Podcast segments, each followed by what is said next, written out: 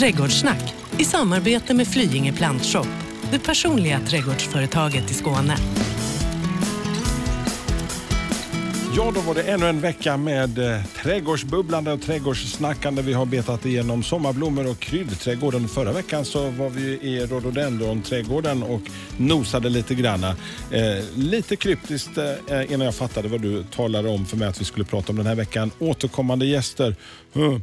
Eh, och så eh, sa du faktiskt någonting till mig i första programmet. Perenner. Ja, perenner. Precis, sådana som kommer tillbaka år efter år efter år efter Ja, år. det gör de. Om man nu eh, eh, står där och eh, funderar på eh, vad man ska sätta ut och kanske framförallt var man ska sätta saker och ting i en trädgård. Eh, och vi nu pratar just kanske specifikt då perenner. Eh, vad, vad är att tänka på Annika? Det är lättast att hjälpa någon som vet lite om vad de har för jord. Alltså hur är jorden mycket lerig? Är den hård och styv eller har man en lätt sandjord eller så? Eh, De allra flesta har, liksom, så svarar man, ja jag har en vanlig trädgårdsjord. Ja, och då är det bra. Men jag de har en som- bil, vilket märke är det på den? Ja, men då är det oftast hyfsat bra. Liksom. Då spelar det inte så stor roll. Men när man ligger där ute och kanske har en väldigt styv jord eller en väldigt lätt jord, då är det bra att veta det och säga det om man nu vill fråga kring perenner. Eh, och Sen så kan man ju också ta och tänka på vilket ljus man har i trädgården. Och då menar jag, är den här rabatten som man ska eh, sätta det här i eh, solig hela dagen eller kommer det ingen sol eller så? Eh, för man anpassar ju valet av växter utifrån var de ska stå. Eh, Såklart. Självklart. Och sen väljer man. Och Sen kan man också då fundera på eh, vilken växtzon man befinner sig i. För det har vi varit inne och berört lite grann i tidigare program om just eh, att vi har ju zon 1 eller det heter här nere hos oss Ja. i Skåneland. Ja, och då är det ju så att zonerna de, gill, alltså de, de eh, har betydelse för sånt som är vedartat. Alltså det är utvecklat utifrån äppelträd kan man säga. Okej. Eh, alltså, så träd och buskar, sånt som har något som är hårt vedartat ovan mark eh, över vintern, det är det. Där, där pratar man zoner. Men när man pratar om perenner så gäller liksom inte det här med zonhärdighet. Härdighet heter det. Okej. Mm. Så att, eh, det är så att min eh, mormor hade otroligt vackra perenner och hon bodde i Överkalix. Eh, och det är ju ganska mycket norrut. Eh, men hon hade väldigt mycket finare perenner och allting blommade på en gång och så. Så, och där hjälper ju snötäcket till. Vi kan ha bekymmer med vissa perenner just för att vi har barfrost och sådär. Eh, så att eh, nej, det, det, växtzonerna har inte betydelse utan det är liksom eh, hur, hur man kan ta hand om sin växt. Man kan täcka vissa växter som är mer känsliga och så. Och sen då, var ska de stå någonstans? Jord och ljus och sen väljer du växt. Ja, och när jag då väljer växt så tänker jag ju mycket blad. Det, det har jag ju varit inne på ganska många gånger. Att det här med bladen är ju egentligen det som bygger det jag målar med så att säga, när jag gör en, en plantering. Att få blad som ser snygga ut tillsammans och sen blir ju blomningen en bonus. Det är så? Ja, alltså det är så. Eh, För när man tittar på en rabatt som visserligen har vackra blommor så är ju inte de där så lång tid. Eh, En perenn kanske blommar några veckor och sen är det borta. Men bladen syns kanske under 6, 7, 8, 9 månader. Eh, Så därför så sätter jag fokus på bladen och så blir blomningen bonus. Och där kan man ju, lite beroende då på när de blommar, så kan man, och det ska vi komma fram till här om en stund, se till att man faktiskt har blomning Ja, mer ja, eller mindre ja. hela säsongen, eller förlänger säsongen lite grann. Ja, ja det kan man göra. Och, och då, då, då blir ju liksom bladen stommen och sen så kommer blomningen. Så det är en liten bonus den där lite blomningen i sig. Liksom, Ja, för vis. mig är det det, men jag vet ju att många tänker blomning först. Eh, och så tittar man på en växt i plantskolan och så, så tar man den för den har så vacker eh, blomma. Och så, så har man eh, varit på plantskolan i maj så har man trädgården fylld av växter som blommar i maj, för det var då man var i pla- plantskolan. Exakt. Ja, eh, så att eh, mm, det kan vara för och nackdelar med det. Det är, ju, det är många som drar igång sitt lilla trädgårdsprojekt och eh, som eh, vill gärna ha allt som det bonus som är att ha en trädgård med grönska och blommor och det ena med det tredje. Men det ska samtidigt vara lättskött. Mm. Det måste vara en av dina vanligaste frågor du får. Så att, ja, eh, gör vad du vill, men det ska vara lättskött Annika. Ja, ja och det är en svår fråga. För det som är lättskött för den ena är inte lättskött för den andra. Och jag vet egentligen inte riktigt eh, alltid vad jag ska svara eh, på det. Men, men rent generellt så tycker jag det är så här att eh, när man pratar om perenner så eh, det som många i alla fall eh, får som svårskött i sina trädgårdar det är ju växter som sprider sig med rotskott. Eh, Praktlysing till exempel mm. är ju en fantastiskt bra växt eller, eller eh, höstanemon. Mm. Eh, är också en fantastiskt vacker växt. Men det kan vara så att då blir det väldigt många sådana och de är överallt och det är kanske inte det man ville att det skulle bli. Så om man nu aktar sig för växter som, är, som liksom sprider sig med rotskott och sen också eh, sådana som sprider sig mycket med frö Ja, eh, det kan bli rackarns. Ja, det kan också bli lite besvärligt. Eh, men då kan man ta hjälp i plantskolan och så frågar man liksom, hur är det nu, sprider den här sig med rotskott? Och då kan man ju hoppa över den plantan. Om det inte är så att man tycker att man vill ha 27 kvadratmeter av någonting för då kan det vara väldigt fördel ja. att ha bara en sån växt som ruffs sprider sig supermycket. Men eh, en, en sak jag vet som du, du brukar prata om när vi träffas, det, det är just att du har varit hos någon och så, och så har de en liten fjonig rabatt på ett par decimeter. Liksom, som inte ens kan kallas rabatt, men där ska de plötsligt ha eh, hela Monets trädgård nedgrävd ungefär. Man får inte säga att någon har en fjonig rabatt. Men, Nej, men, jag, det, jag alltså säger det. Är, ja, du, du säger, det är säger ganska det. vanligt att, ja. att, att, eh, att, man tänker en rabatt eh, och så gör man den alltså, väldigt liten, 40 centimeter, så gärna invid husväggen då. Mm. Och så vill man ha en, en prunkande rabatt med högt där bak och lågt där fram och så. Och det får ju inte plats. Det går, alltså om man vill laborera med det här med höjder och djup och, och sånt, ja. så får man ta i betydligt mycket mer. Det är bättre att satsa liksom på att göra en stor perennrabatt, tycker jag, eh, som har ett lite större djup, minst 1,20 åtminstone, ja. så man kan göra någonting. Går man över det och gör en ännu större rabatt så kan det vara smart att lägga trampstenar i den plantering så att man kommer fram när man ska underhålla sina perenner. För då är det ju man vill ju inte in och stampa i dem när ja. de väl har börjat och, Det att man vill att grannens barn ska lära sig att de kan gå på de där trampstenarna när de har sparkat in bollar i trädgården. Jag pratar inte om min egen trädgård förstås, såklart. Nej. Ja, eh. Men små trampstenar är egentligen bara lite strategiskt utplacerade som man kan ja, komma åt. Ja, ja, så slipper man ju trampa runt i perennerna. Eh, en annan grej som jag ofta ser när jag är ute på mina konsultationsuppdrag det är att man lägger rabatter direkt in på en häck som man ska klippa. Det är också en sån sak som inte är sådär jättesmart. Mm. För då ska du ju gå och klippa din häck och, och, och sen så har du perenner där. Eh, flytta ut perennerna så att du har en, ett avstånd till din häck där du faktiskt kan gå och klippa den utan att klampa runt i perennerna. Så har du liksom en, en skötselgång där bak då. Ah. Det är också en, en god idé.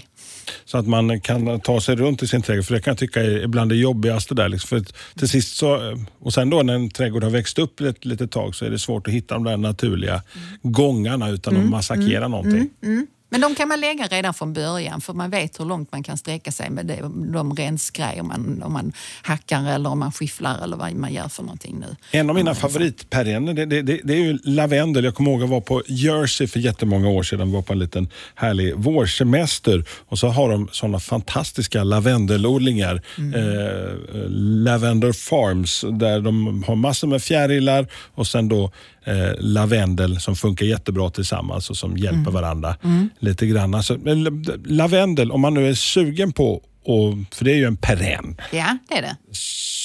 Ska man tänka på vad? Lavendel, så soligt som möjligt och gärna i de lättare jordarna. Om man har en lite tyngre jord så jordförbättrar man med barkmylla till exempel. Eh, och luckrar upp jorden.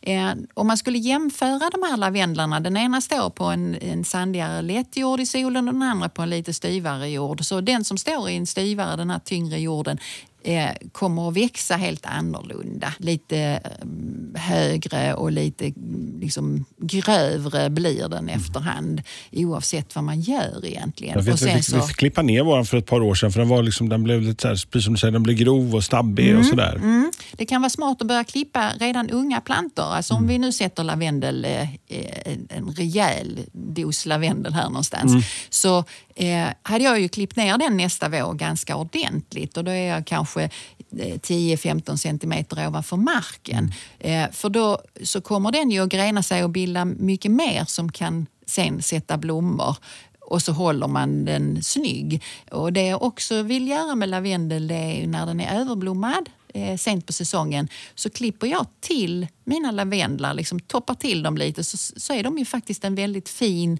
eh, planta att titta på på vintern. Då ser den ju ut som en silvrig häck hos mm. mig då. Alltså stora sjok och så har jag liksom bara tagit blommorna och det som spretar mycket så får jag en väldigt snygg Lägger man en liten linne på så lägger det lilla linneskåpet.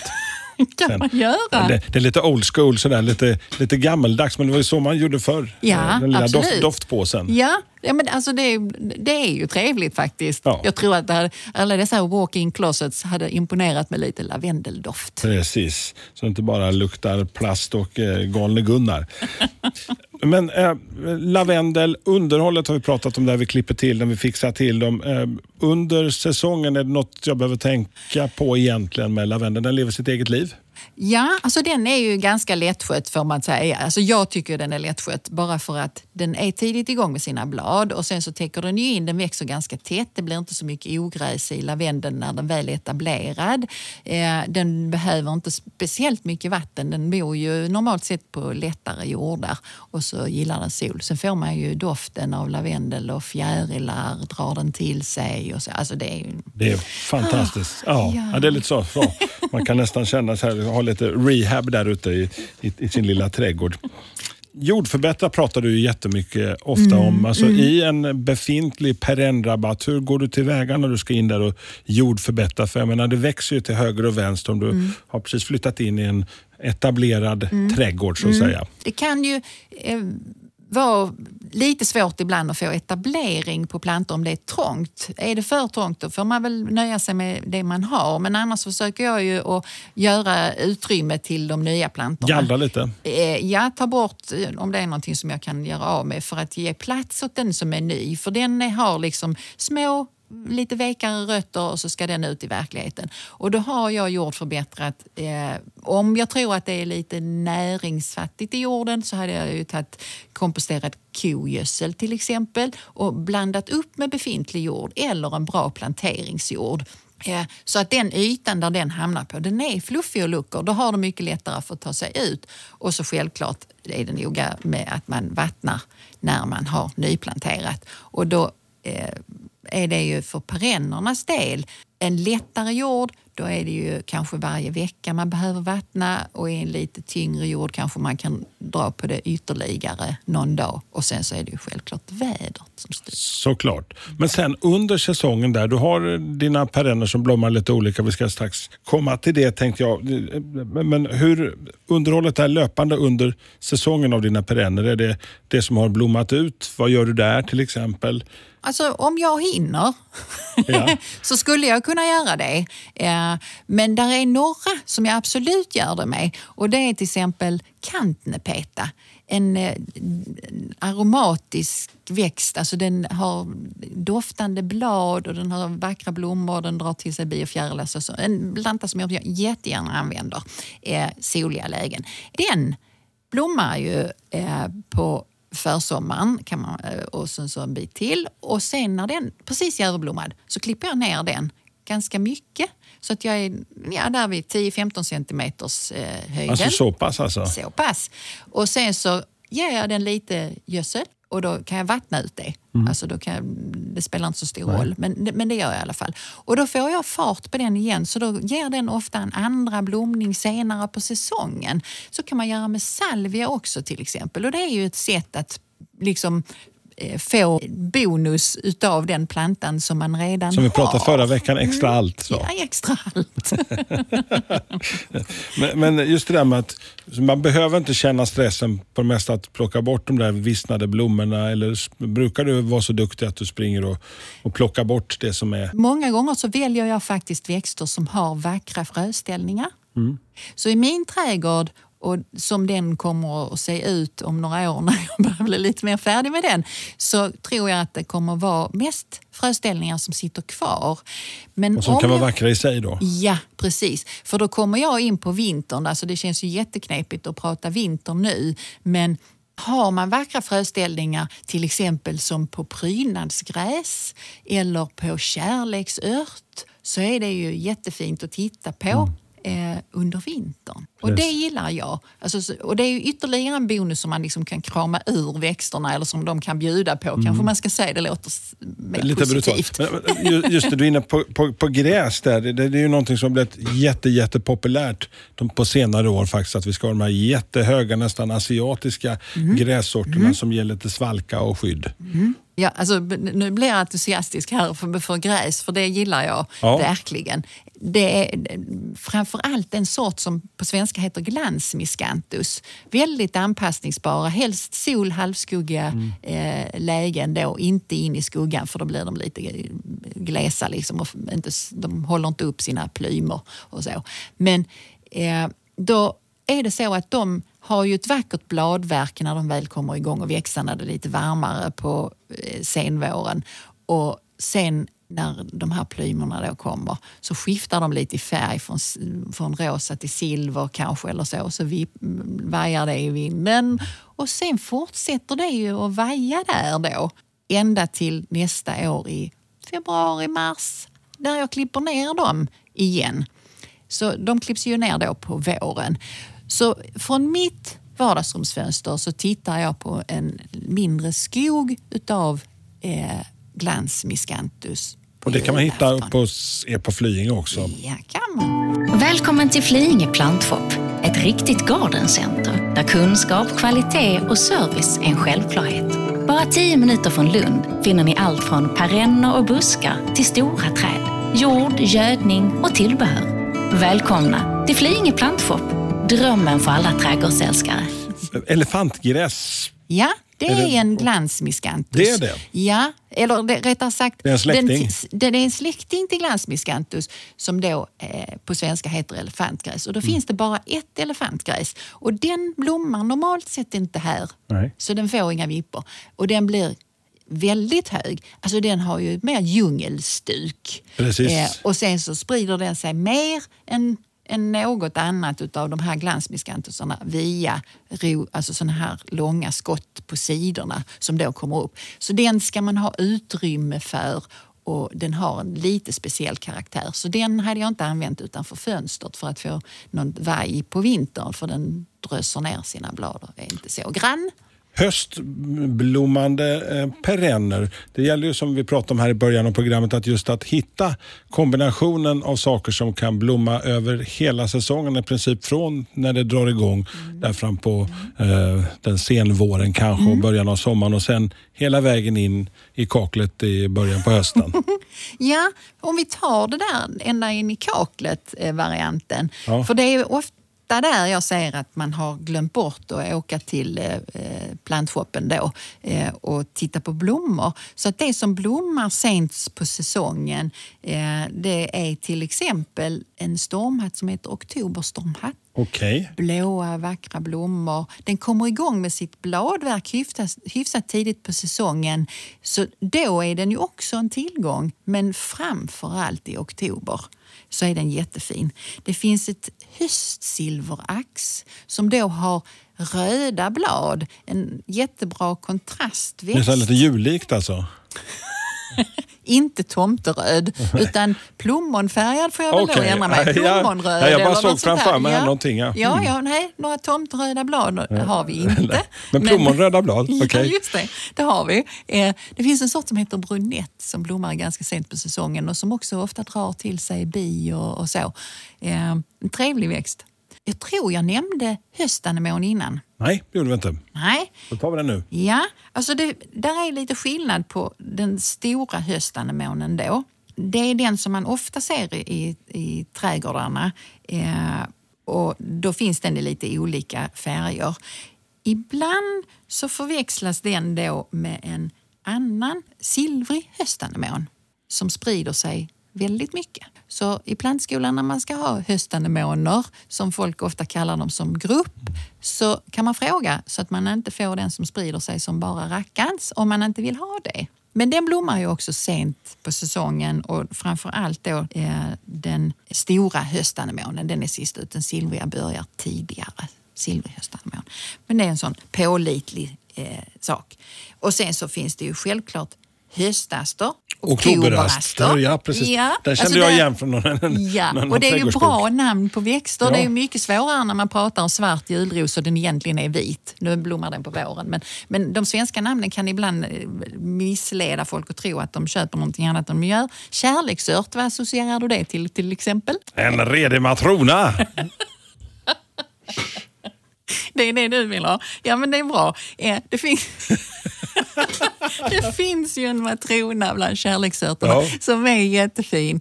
Eh, som har mörkare blad än de Ja. andra. Då.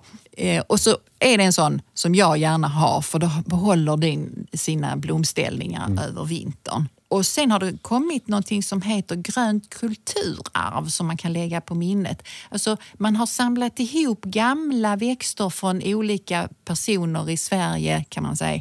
Och sen så har vi gjort ett grönt kulturarv. Då har Ah. de en väldigt lång svensk tradition och har vuxit här och så. Och då finns det en som heter Granlunda. Kika på den. En gammal klassiker som... Ja, som har kommit till heders igen.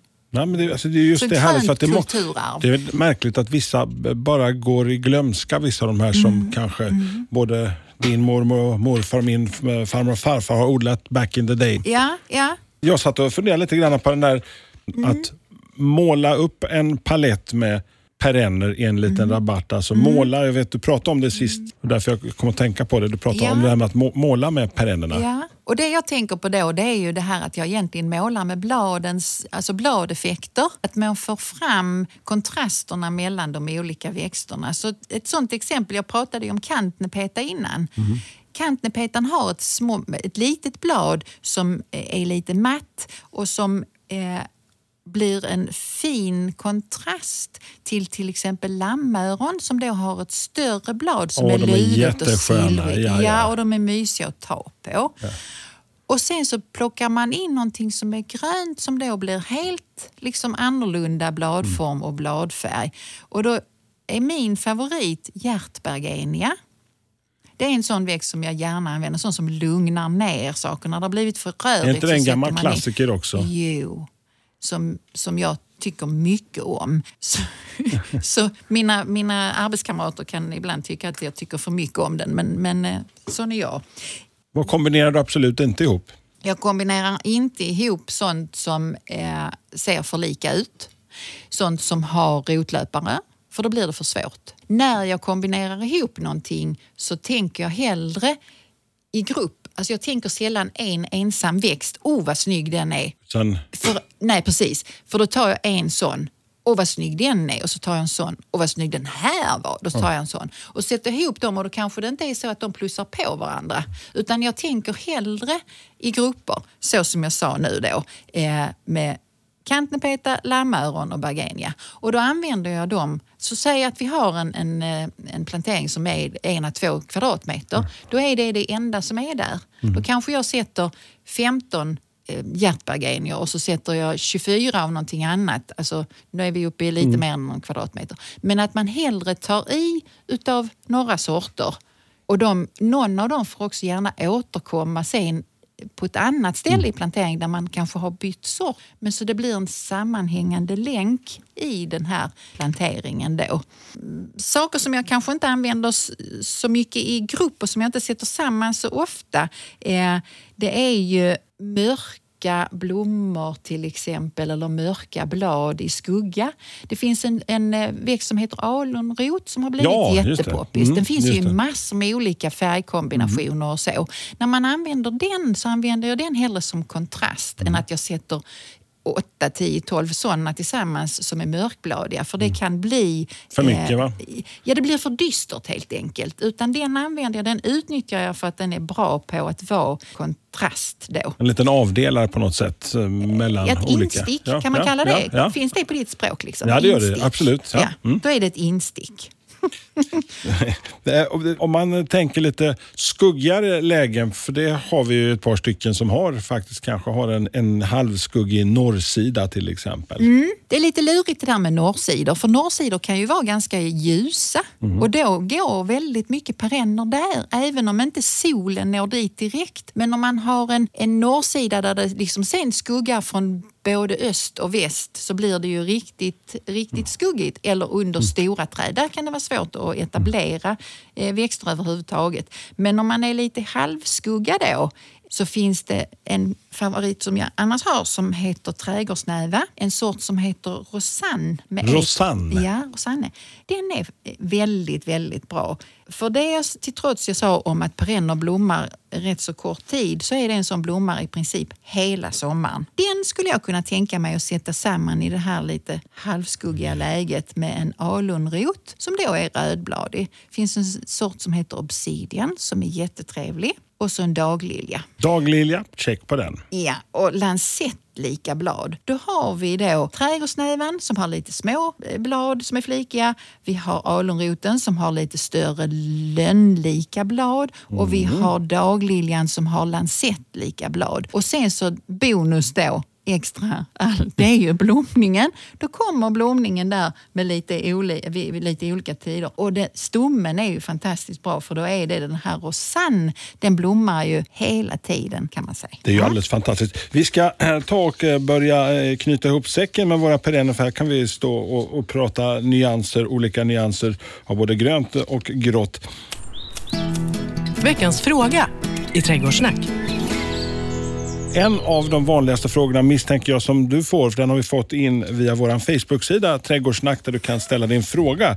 Det handlar om det där med vattning. Det är Sara i Lund som skriver, eh, hur mycket ska jag vattna? Och det är en jättesvår fråga att svara, svara på den då. Ja. Ja. den är... Det är veckans fråga. Oj. Ja, ja, om jag ska försöka göra något slags snabbt svar på det då. Så det att nyplanterade växter, eh, om vi tar eh, träd, så behövs de vattnas när de planteras rejält. Det kan vara liksom typ 50 liter. Och sen så har man en lättare jord så bör man kanske upprepa den vattningen redan inom en vecka och ytterligare inom en vecka. Och sen så när trädet börjar etablera sig så kan man dra ut på intervallerna då. Men ett träd kan behöva extra vattnas i två, tre år. En perenn då, alltså en sån flerårig växt, den behöver man kanske bara extra vattna första säsongen och en buske någonstans däremellan. Men jag tror att man får försöka lära sig hur mycket eh, vatten som växterna behöver och ett sätt är att när man har vattnat så gräver man i jorden en halvtimme senare. Och har man då tur så har man en sån jord så man kan se skiktningen Ja, i ja. jorden. Och då kan du se, har du då vattnat för lite då har du kanske en färgskiftning i jorden på den översta centimetern. Då är det nog så att du vattnar väldigt, väldigt lite.